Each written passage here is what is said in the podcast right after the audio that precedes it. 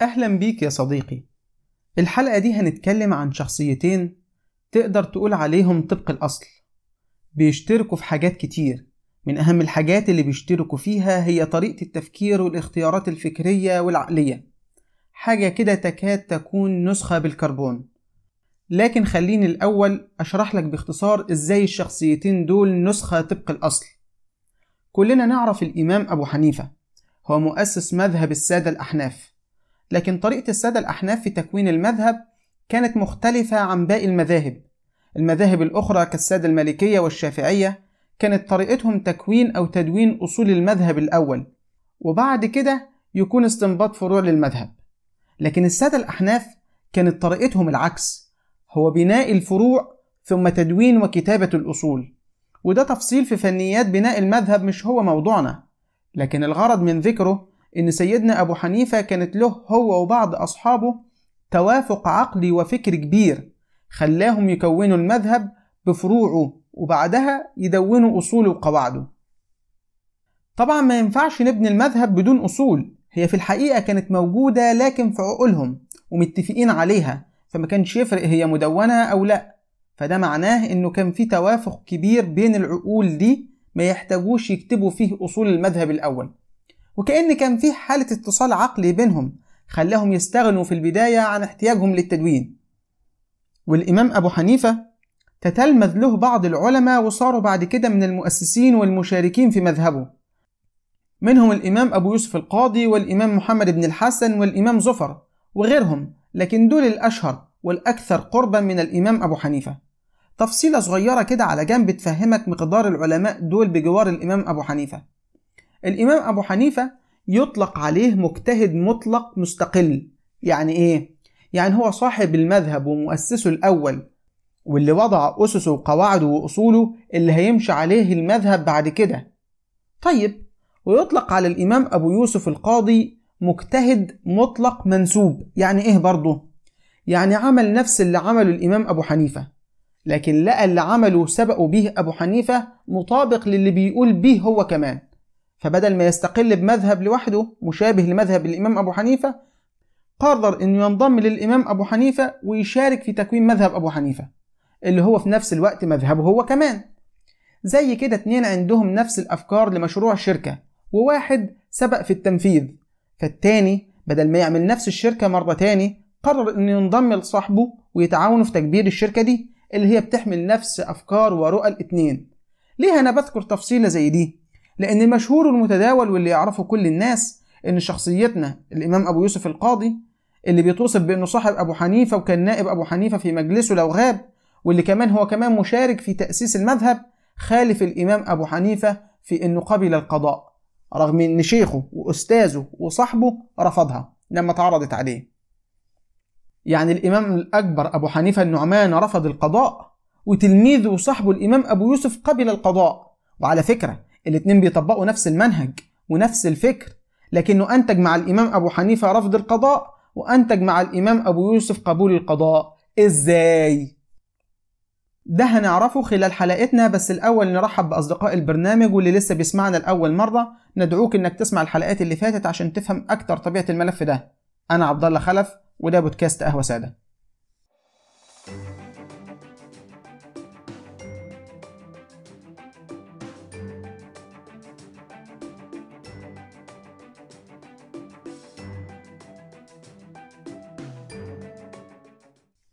إحنا اتكلمنا في الحلقات اللي فاتت عن ظاهرة شيوخ السلطان ووضحنا إن ظاهرة اللقب ده ظهرت مع ظهور جماعات الإسلام السياسي والجماعات المتطرفة في العصر الحديث يعني من 70 80 سنة كده. وقلنا إن الجماعات دي لما دخلت في قضايا الدين بمناهج غير منضبطة وغير علمية فهمت نصوص الوحيين الشريفين على غير مقصود الشارع سبحانه وبدلت وحرفت حسب أهوائها. فظنوا إن المجتمع بيعيش في جاهلية. وإن المجتمع والحكام بيحكموا بغير ما أنزل الله وبالتالي هم كفار. وأضافوا ركن سابع لأركان الإيمان وهو إن الإمامة من أصول الدين ويا ريتهم وقفوا عند كده. بل حاولوا انتزاع السلطة والحكم وسلطوا أهوائهم على كتب التراث وقرأوها قراءة مغلوطة. واتهموا أي عالم تعامل مع الحاكم تعامل حسن بأنه من شيوخ السلطان وبيهادن الحكام على حساب الدين والشرع. وأي عالم ابتعد عن الحكام وصفوه بأنه كان بيتجنب الحكام لظلمهم وفسادهم. وفي وسط ده كله تلاعبوا بتأويل الآيات والأحاديث. وشرحنا خلال الحلقات اللي فاتت نماذج لكل ده. وبينا حكم الدين في تعامل العالم مع الحاكم. وبينا وعرضنا نماذج عملية ومشرفة بين العالم والحاكم. وبينا أثر حسن المعاملة دي زي نموذج سيدنا رجاء بن حيوة والليث بن سعد. وعرضنا تزوير الجماعات لتراث العلماء ووصفهم للعلماء اللي بيصونوا الشرع. إنهم كانوا في وجه السلطان وضد الحكام وبيصوروا الأمر كأن العلماء بيقودوا مظاهرات وبيهتفوا بشعارات رنانة ضد الحاكم. وده على غير الحقيقة زي ما شرحنا في قصة سيدنا الحسن البصري وسيدنا الإمام أحمد بن حنبل. كمان شرحنا أن لبعض العلماء كانت فعلا مواقف مواجهة مع الحكام وبينا أن ده كان بسبب وظائفهم فكان بجوار كونهم شيوخ وعلماء كانوا قضاة ولديهم من الصلاحيات ما يكفي لفتح تحقيق وجلب معلومات والقيام بالمحاكمة وكمان تنفيذ العقوبة زي ما شرحنا في قصة الإمام الدردير. كل ده كفيل بإثبات وجهة النظر إن ما ينفعش نطلق مصطلح شيوخ السلطان على أي عالم كانت له علاقة بالحاكم وإن الأصل في العلاقة بين العالم والحاكم قائمة على الثقة المتبادلة وإن الأصل هو وجود علاقة إذا كان الطرفين مؤهلين. وتقدر ترجع يا صديقي للمعلومات المذكورة في الحلقات اللي فاتت وتتأكد بنفسك.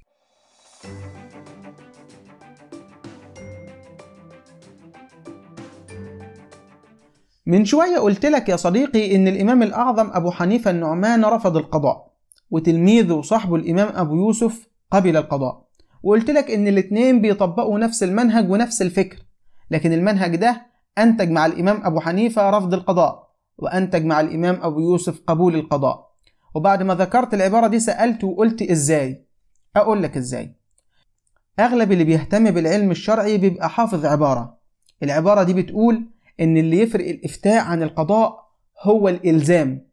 يعني أنت لو رحت للشيخ تسأله بعد خلافك مع شريكك في الشركة عن حكم العقد اللي بينكم وإنه أنت متضرر وحكيت له حكاية طويلة عريضة فيقول لك العقد اللي بينكم بعد ما سمعت اللي أنت قلته ده باطل ولا يجوز إكمال المعاملة بهذه الصورة. لكن حضرتك ما عجبكش حكم الشيخ اللي أفتى دوت. فرحت رافع قضية في المحكمة واتنظرت أمام القاضي فحكم مثلا بنفس حكم الشيخ. اللي انت رحت له من شوية. للأسف هنا يا صديقي انت ما تقدرش تقول أنا مش عاجبني الحكم وهروح أسأل حد غير القاضي. ليه؟ لأن حكم القاضي ملزم فلازم هتنفذ حكم القاضي. أظن كده وصلتك الصورة. فاللي بيتبادر للذهن عند سماع عبارة إن الفرق بين الإفتاء والقضاء هو الإلزام هو الصورة اللي إحنا حكيناها دي. لكن الواقع إن التفسير ده مش منضبط قوي أو خلينا نكون أكثر وضوحا تفسير عبارة إن الفرق ما بين القضاء والإفتاء هو الإلزام مش هو الصورة اللي إحنا شرحناها من لحظات وفقط. في توضيح أكتر وتفصيل أدق وأعمق.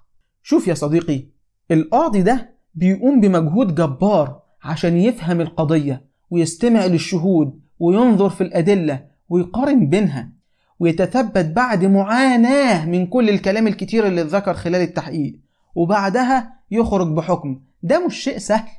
ده مجهود واستهلاك للوقت ولموارد الدولة في عمليات التثبت من الواقعة عشان إصدار الحكم وده السبب الحقيقي في إنه بقى ملزم.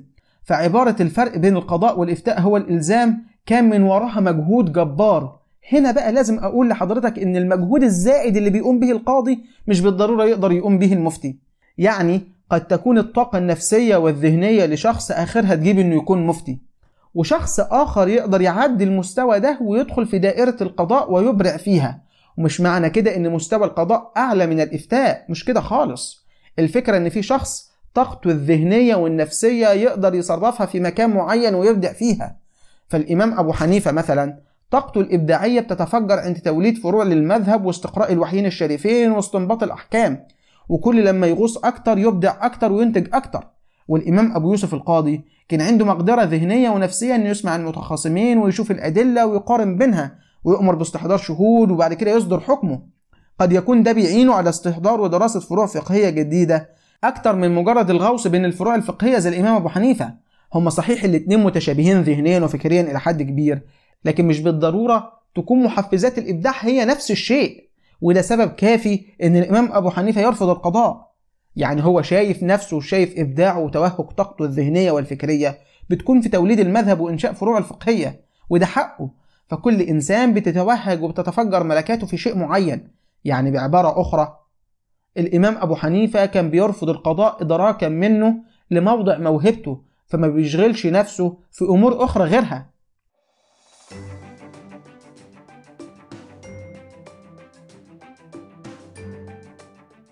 هنا في سؤال. هل الإمام أبو حنيفة كان ضد القضاء؟ يعني لو اتعرض عليه القضاء ممكن يقبل؟ سامع أحد الأصدقاء اللي بيسمعونا الآن بيقول بالتأكيد طبعا وقطعا لا لن يقبل بالقضاء ودي معلومة إحنا متأكدين منها وعارفينها وثابتة تاريخيا كمان اسمح لي يا صديقي العزيز أدعوك إنك تهدى شوية وما تتسرعش في الإجابة لأن مش كل المعلومات المشهورة هي كل المعلومات أنا عارف إن المشهور عن الإمام أبو حنيفة هو رفضه للقضاء وفي بعض الكتب والروايات إنه اتجلد وعذب ومش بس كده في روايات إنه مات بسبب تعذيبه لرفض القضاء. وعارف كمان إن أي بحث بسيط هيأكد المعنى ده. لكن بعد البحث المتعمق شوية هنلاقي معلومات أكتر. معلومات تكاد تنسف الصورة المشهورة دي. اسمح لي أقول لك يا صديقي أولا إن الإمام أبو حنيفة ما كانش ضد فكرة إن عالم يتولى القضاء. اسمع معايا العبارة ديت في كتاب أخبار أبي حنيفة وأصحابه للصيرمي. بيقول قال أبو حنيفة يوما أصحابنا هؤلاء ستة وثلاثون منهم ثمانية وعشرون يصلحون للقضاء ومنهم ستة يصلحون للفتية ومنهم اثنان يؤدبان القضاة وأصحاب الفتوى وأشار إلى أبي يوسف وزفر هل ده شخص ضد إن عالم يتولى القضاء؟ ده كان بيعد وبيجهز أصحابه من العلماء إنهم يكونوا قضاة إزاي هو يكون ضد إن عالم يتولى القضاء؟ طبعا لسه صديقنا اللي كان بيقول إن أبو حنيفة لا يمكن يتولى القضاء أكيد هيقول لي بس هو اتعذب عشان كان ضد إنه يتولى القضاء. نفهم إزاي إنه كان بيجهز أصحابه لتولي القضاء. هنا أقول لصديقنا العزيز إنه كان ضد تولي القضاء لنفسه وده شرحناه في الفقرة اللي فاتت. وقلنا إنه كان رافض تولي القضاء لأنه هيعطله عن عمله الأساسي وهو إنشاء مذهبه. يعني لم يكن ضد فكرة إن العالم يتولى القضاء. واللي بنشرحه ده ما يمنعش إننا نرصد إنه تعرض للتعذيب والحبس علشان يتولى القضاء. البعض فسرها تفسيرات سياسية وقالوا إنه كان ضد الأمويين والعباسيين وده شيء مفيش تأكيد عليه وكلها تكهنات مفيش نص صريح عليها. بس الأكيد هي النصوص اللي بيعترف فيها ويتعامل فيها مع الحاكم على إنه أمير المؤمنين فعليا والحاكم الشرعي. والاعتراف ده كان في أشد أوقات محنته. اسمع معايا النص ده يا صديقي واللي مذكور في كتاب تاريخ بغداد. بيقول دعا أبو جعفر المنصور أبا حنيفة إلى القضاء فأبى عليه فحبسه ثم دعا به يوما فقال أترغب عما نحن فيه؟ قال أصلح الله أمير المؤمنين لا أصلح للقضاء. فقال له كذبت. قال ثم عرض عليه الثانية فقال أبو حنيفة قد حكم علي أمير المؤمنين أني لا أصلح للقضاء لأنه ينسبني إلى الكذب فإن كنت كاذبا فلا أصلح. وإن كنت صادقا فقد أخبرت أمير المؤمنين أني لا أصلح. قال فردوه إلى الحبس. يعني في عز المحنة دي وفي عز الموقف دوت قال له تعالى تولى القضاء. قال له لا. راح حبسه. وراح بعد كده بعت له تاني. قال له أنت مش عايز تكون له معانا مش عايز له تكون قاضي. قال له أصلح الله أمير المؤمنين. ده بيدعي له وبيصفه بانه أمير المؤمنين. هنا كان المفترض يظهر إنه رافض إنه يتولى القضاء لأسباب سياسية ويصرح بإنه مش معترف بحكمه ولا إنه هو أمير المؤمنين أو شيء لكنه بيخاطبه بوصفه أمير المؤمنين يعني بيقول له أنت الحاكم الشرعي للبلاد بس أنا ما أقدرش ما أقدرش أبقى قاضي. فالتكهنات بإنه كان ضد الأمويين والعباسيين ما نقدرش نعتمد عليها ونجعلها هي الأساس. كمان في خبر آخر أو معلومة كمان ممكن تصدم البعض. الإمام أبو حنيفة تولى القضاء فعليا. طبعا أنا سامع واحد بيقول لي تولى القضاء. أقول له أيوه والله تولى القضاء. وده مذكور في كتب التاريخ. في كتاب أخبار أبي حنيفة وأصحابه للسيرمي بيقول حدثونا عن المنصور أنه لما بنى مدينته ونزلها ونزل المهدي في الجانب الشرقي وبنى مسجد الرصافة. أرسل إلى أبي حنيفة فجيء به فعرض عليه قضاء الرصافة. فأبى. قال له اتفضل خليك أنت القاضي بتاع الرصافة. قال له لا. قال إن لم تفعل ضربتك بالسياط قال أو تفعل؟ قال نعم. قال له لو ما بقيتش أنت القاضي هجلدك. قال له هتعمل كده فعليا؟ قال له أيوة. فقبل فقعد في القضاء يومين فلم يأته أحد. فلما كان في اليوم الثالث أتاه رجل صفار. راجل صفار يعني بيعمل أواني من النحاس ودي كانت المهنة دي بيسموها الصفار. جه الراجل الصفار ومعه آخر فقال الصفار لي على هذا درهمان وأربعة دوانيق. بقية ثمن طور صفر. بيقول له أنا ليا عند الراجل دوت درهمين وأربعة دوانيق بقية تمن إناء من صفر. فقال أبو حنيفة اتق الله وانظر فيما يقول الصفار. قال ليس له علي شيء. قالوا لا ملهوش عندي حاجة. فقال أبو حنيفة للصفار ما تقول؟ ها بتقوله أنت كمان. قال له خليه يحلف. قال استحلفه لي. فقال أبو حنيفة للرجل قل والله الذي لا إله إلا هو فجعل يقول. قال له احلف علشان خاطر يكون في يمين نقدر نعتمد عليه. بيكمل فبيقول فلما رآه أبو حنيفة معزما على أن يحلف قطع عليه. لما لقاه مكمل في الحلفان وإن العملية هتتم عن طريق الحلفان وقفه. وضرب بيده إلى كمه دخل إيديه إلى جيبه فحل صردة وأخرج درهمين ثقيلين. دخل إيديه جوه جيبه فتح الصردة اللي معاه وطلع درهمين. فقال للصفار هذان الدرهمان عوض من باقي تورك. فنظر الصفار إليهما وقال نعم. يعني المختصر اداله الدرهمين ومرضيش يكمل عملية التقاضي. قال له خد انت الفلوس قال له خلاص خدتها وراحوا ماشيين هما الاثنين يعني هو كده بالفعل تولى القضاء لكن زي ما شرحنا من شوية كان رفضه للقضاء بسبب عامل داخلي أو عامل نفسي خاص بيه هو وحده. وده هنلاحظه إنه أوقف عملية التقاضي وما أكملش إجراءاتها ودفع من ماله الخاص النقود علشان ما تتمش عملية التقاضي ويبقى في حكم ملزم لأحد الأطراف. أنا عارف إن الصورة دي مش هي المشهورة عن الإمام أبو حنيفة والمشهور فقط إنه كان ضد تولي القضاء. لكن البحث العلمي المفترض يذكر كل المعلومات مش نقول بس اللي يخدم وجهة نظرنا. حاجة كده حابب أنبه عليها هو إن كتير من المعلومات المشهورة هي مشهورة بس عشان في جماعات وتيارات تبنتها.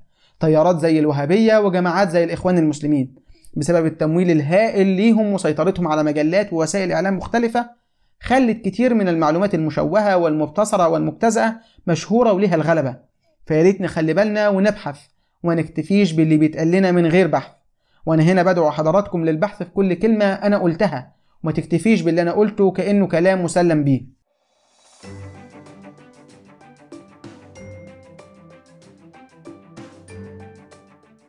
هنا في الجزء الأخير من حلقتنا حابب أكد على أن العلاقة بين العالم والحاكم قائمة على الثقة المتبادلة وده شرحناه وضربنا عليه أمثلة في الحلقات اللي فاتت. بس حابب أأكد أن التعامل الحسن هو السمة الأساسية في التعامل بين العالم والحاكم. وإذا كنا شرحنا أن الإمام الأعظم أبو حنيفة النعمان كان مع رفضه للقضاء كان بيتعامل بتقدير وإجلال للحاكم فبالتأكيد هيكون الإمام أبو يوسف القاضي بيتعامل بنفس التقدير والإجلال. وده مش عشان كان قاضي لا ده التعامل ده هو الأساس. طريقة التفكير والمنهج العلمي عند الإمامين أبو حنيفة وأبو يوسف كانت بتكرس هذا المفهوم وهو الاحترام والتقدير. كمان في نقطة مهمة حابب أوضحها في العلاقة بين العالم والحاكم. العلاقة دي بتتطلب بعض المهارات اللي لو ما كانتش عند العالم فلازم يلم بيها ويتعلمها. بيقول الإمام محمد زاهد الكوثري في كتابه حسن التقاضي في سيرة الإمام أبو يوسف القاضي بيقول لما اتصل أبو يوسف برجال الخليفة لأول مرة رغب يحيى بن خالد في معرفة ما لأبي يوسف من الإلمام بسير الملوك الماضية وأنباء الأمم الخالية وأيام العرب وأنباء الأول وما إلى ذلك من المعارف التي يحتاج إليها في الحياة الجديدة. هنا الإمام أبو يوسف أول ما بقى في دائرة القضاء وبقى قريب من الخليفة ومن الوزراء حصل له اختبار فعلي في الأول. فسيدنا أبو يوسف أحس بذلك ولم يسترسل معه في الكلام بل اقتصد في الحديث وتفرغ في خاصة نفسه لتلك المعارف حتى حاز خبرة واسعة فيها بذكائه وقوة حافظته في مدة يسيرة. خلص الاجتماع دوت وراح ماشي رجع بقى بينه وبين نفسه قعد يقرأ كتير ويراجع ويشوف المعلومات ويشوف إيه اللي المفترض يكون هو ملم بيه وقعد يشتغل عليه. إلى أن سنحت فرصة التحدث مع الوزير في موضوع منها. جات له فرصة أنه يقعد مع الوزير تاني ويتكلم معاه في حاجة متعلقة بنفس الأمر دوت. فنال لديه كل إعجاب ودهش بواسع اطلاعه في هذه المعاني أيضا وظن به أن لديه اشتغالا قديما بتلك المعارف زيادة على ما له من المعلومات الواسعة في سائر العلوم. فحاز كل إجلال كما هو معروف في كتب التاريخ. دي نقطة مهمة جدا لازم ناخد بالنا منها إن في مهارات ومعارف لازم تكون موجودة عند العالم اللي بيتعامل مع الحاكم أو مع دائرة الحكم ولو مش موجودة عنده لازم يتعلمها. وطبعا ده شيء غير متصور في أذهان الناس عموما وشايفين إن الأصل في العلاقة هو المناكفة والنزاع والجدل مع إن العكس هو الصحيح. ولازم تعلم ومعرفة مثل هذه الأمور لأنها هتعينه أنه يكون في علاقة وثقة متبادلة بين العالم والحاكم. كمان الإمام أبو يوسف للي يقرأ في سيرته هيلاقيه كان عارف إيه اللي يتقال مع الحاكم وإيه اللي ما يتقالش وإزاي تكون المخاطبة معاه وإزاي يكون توجيه الأسئلة. يعني كان ملم بالبروتوكول والآداب اللي المفترض تكون في المكان دوت. وده خلى الإمام أبو يوسف صاحب حظوة ومكانة عند ثلاثة من خلفاء بني العباس. وده كان بسبب اللي فتحوا عليه ربنا من علم وفقه ونباهة. وتوليه القضاء ما كانش مطلب شخصي أو لأنه بيجلب له السعادة بل بالعكس كان توليه القضاء عند التلاتة على كره منه يعني بيعمله لأنه يقدر عليه مش لأنه حابب المنصب ونفسه فيه. وكان عند الخليفة الرشيد صاحب حظوة ومكانة فاستحدث للإمام أبو يوسف منصب جديد تماما لم يكن لأي شخص قبله وهو منصب قاضي القضاة وده تحقيق لنبوءة الإمام أبو حنيفة اللي ذكرناها عن أصحابه من شوية لما قال أصحابنا هؤلاء ستة وثلاثون منهم ثمانية وعشرون يصلحون للقضاء. ومنهم ستة يصلحون للفتية ومنهم اثنان يؤدبان القضاة وأصحاب الفتوى وأشار إلى أبو يوسف وزفر فهنا تحققت فراسة الإمام أبو حنيفة إنه مش بس الإمام أبو يوسف ينفع يكون قاضي بل منصب أعلى وهو مؤدب القضاة أو قاضي القضاة. وشهد عصر الإمام أبو يوسف استقلالا نسبيا للسلطة القضائية عن السلطة التنفيذية وأوجد كمان زي خاص بالقضاة. وكان مسؤول عن تعيين القضاة في الأقاليم والبلدان الإسلامية وكان بيختار أغلبهم من المذهب الحنفي وبيتابعهم وبيوجههم. ومش بس كده ده كان الخليفة يستنيبه في سائر الأقاليم اللي بيحكم عليها يعني بقى نائب السلطان. ودي النتيجة الطبيعية للعلاقة السوية والمنضبطة بين العالم والحاكم علاقة مبنية على الثقة ومصلحة الناس والبلد.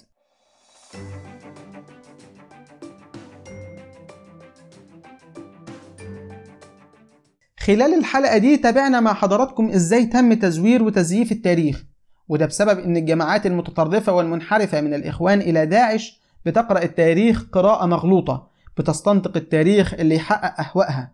وبدل ما تقول الحقيقة كاملة بتقولها مجتزأة بطريقة تبين إن الجزئية دي هي الحقيقة المطلقة والوحيدة. في الختام بنحب نأكد إن أهل العلم المنضبط وأصحاب المدارس العلمية المنهجية بيوصلوا جميعهم لنفس النتيجة. إن علاقة العالم بالحاكم علاقة ثقة متبادلة مش علاقة نزاع وصدام. شكرا لحضراتكم ونشوفكم على خير في حلقة جديدة.